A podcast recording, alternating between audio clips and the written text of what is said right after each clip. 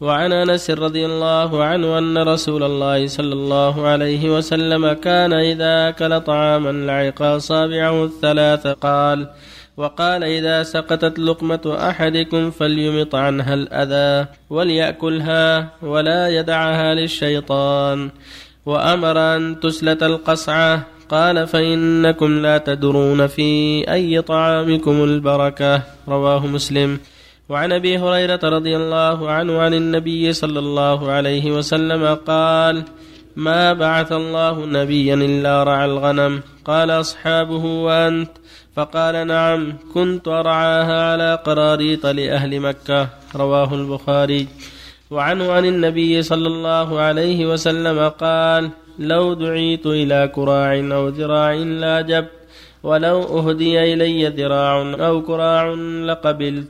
رواه البخاري. وعن أنس رضي الله عنه قال كانت ناقة رسول الله صلى الله عليه وسلم العضاء لا تسبق أو لا تكاد تسبق فجاء أعرابي على قعود له فسبقها فشق ذلك على المسلمين حتى عرفه فقال حق على الله ألا يرتفع شيء من الدنيا إلا وضعه. رواه البخاري. بسم الله الرحمن الرحيم. الحمد لله.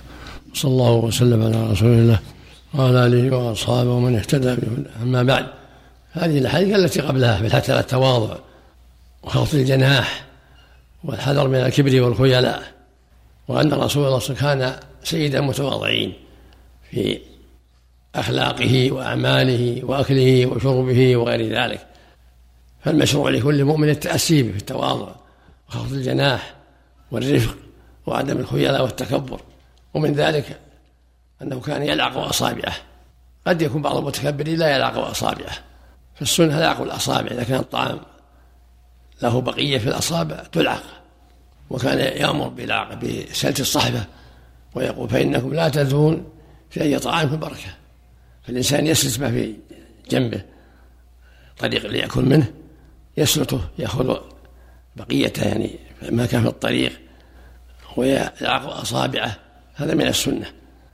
فإنكم لا تدعون في أي طعامكم بركة وهذا من التواضع وعدم التكبر. فينبغي للمؤمن التأسي بنبيه صلى الله عليه وسلم في ذلك. وهكذا رعاية الغنم.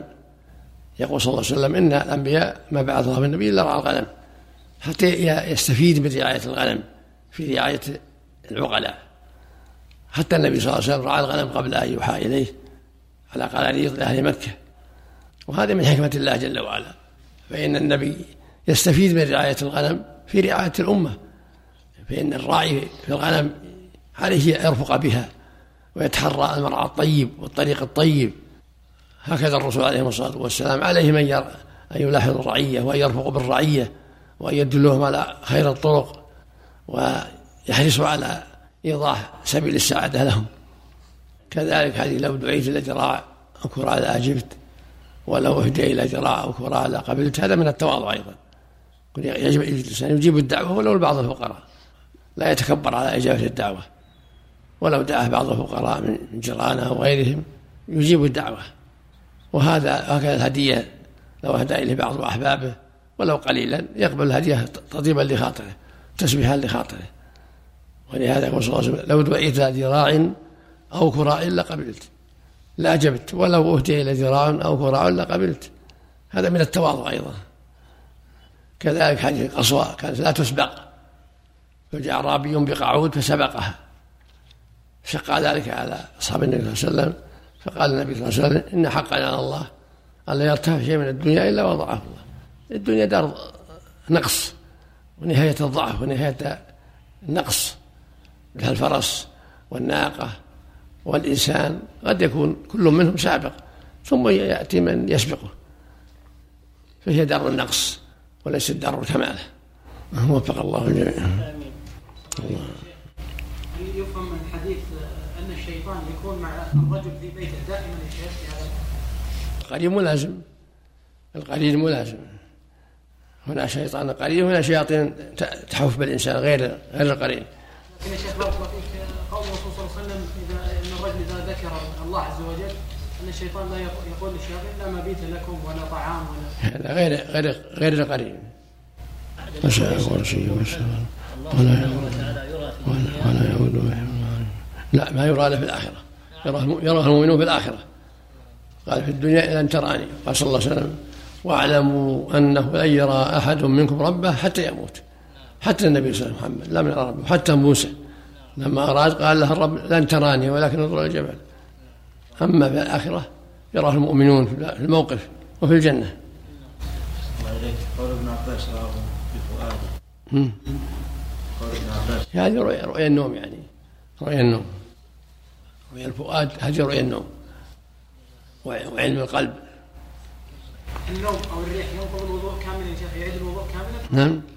أقول خروج الريح أو النوم يا شيخ. ينقض الوضوء كاملا يا شيخ؟ إي نعم. لكن ما يستمع مع الاستنجاء يتمسح يبدأ بالمضغة والاستنشاق. مثل الريح مثل خروج الريح. مثل مس الفرج. يعني يسمونها العامة التمسح. الوضوء يعني. ما يلزمه استنجاء إلا من البول والغائط ونحوهما. هل يأثم إذا سقطت اللقمة ولم يأخذها الإنسان؟ الأفضل يأخذها ويطمئن هذا الأفضل يأخذها ويطمئن بها من الأذى ويأكلها إرغاما للشيطان. يقول يعثم إذا تركه يؤثم. يحتمل. الله أعلم.